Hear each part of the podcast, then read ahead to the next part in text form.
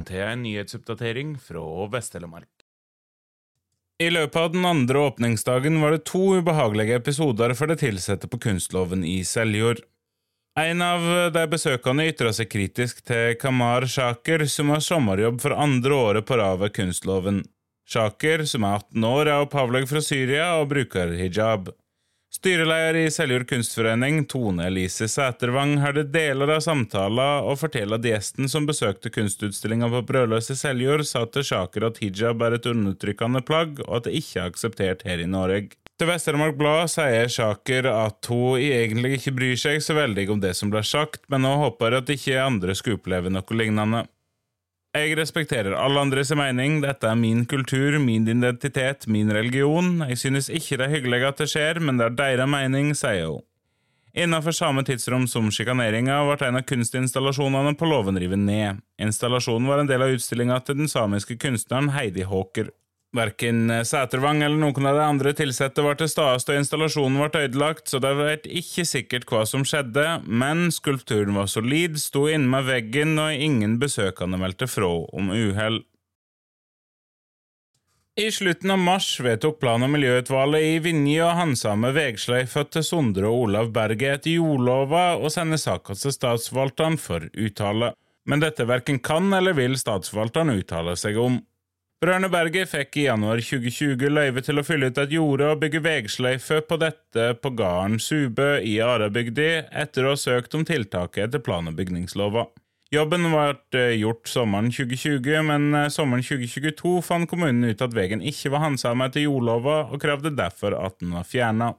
Dette vedtaket klaga Berget på. I slutten av mars fikk de medhold i klaga, samtidig som PMU også vedtok at søknaden måtte handsames etter jordlovas paragraf 9 og sendes statsforvalteren for uttale. Men den 31. mai fikk kommunen melding om at statsforvalteren har avslutta saka.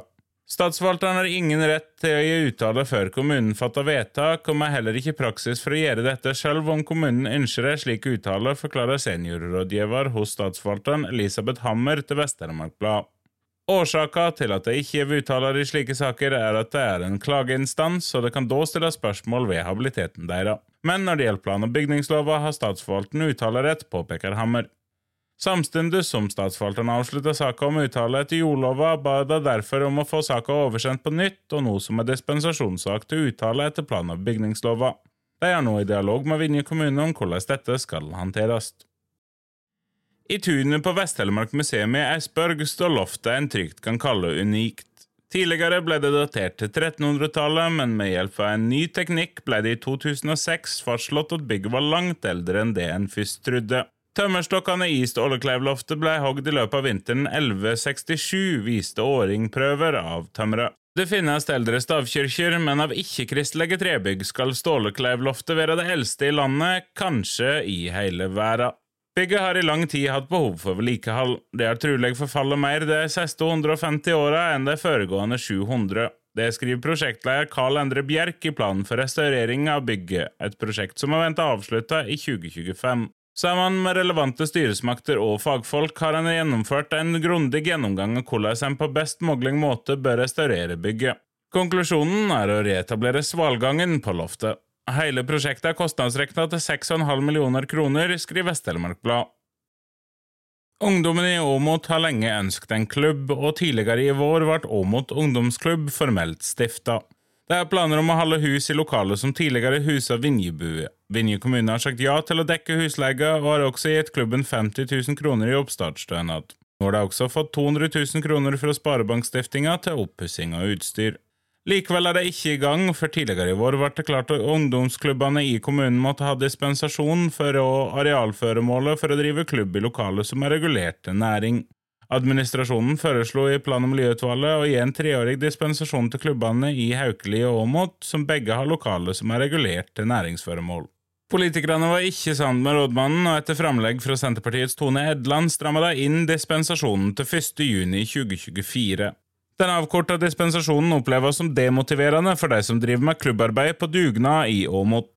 Nå går det mot ferie, så da kommer vi ikke i gang med å pusse opp lokalet for etter ferien. Det vil jo ta seg tid, og vi ser realistisk på det, så vi må kunne åpne fram mot jul, vil jeg tru. Så da er det snakk om seks måneder før en på nytt må søke om bruksendring, sier leder av Åmot ungdomsklubb Iselin Øyre til Vest-Telemark Blad.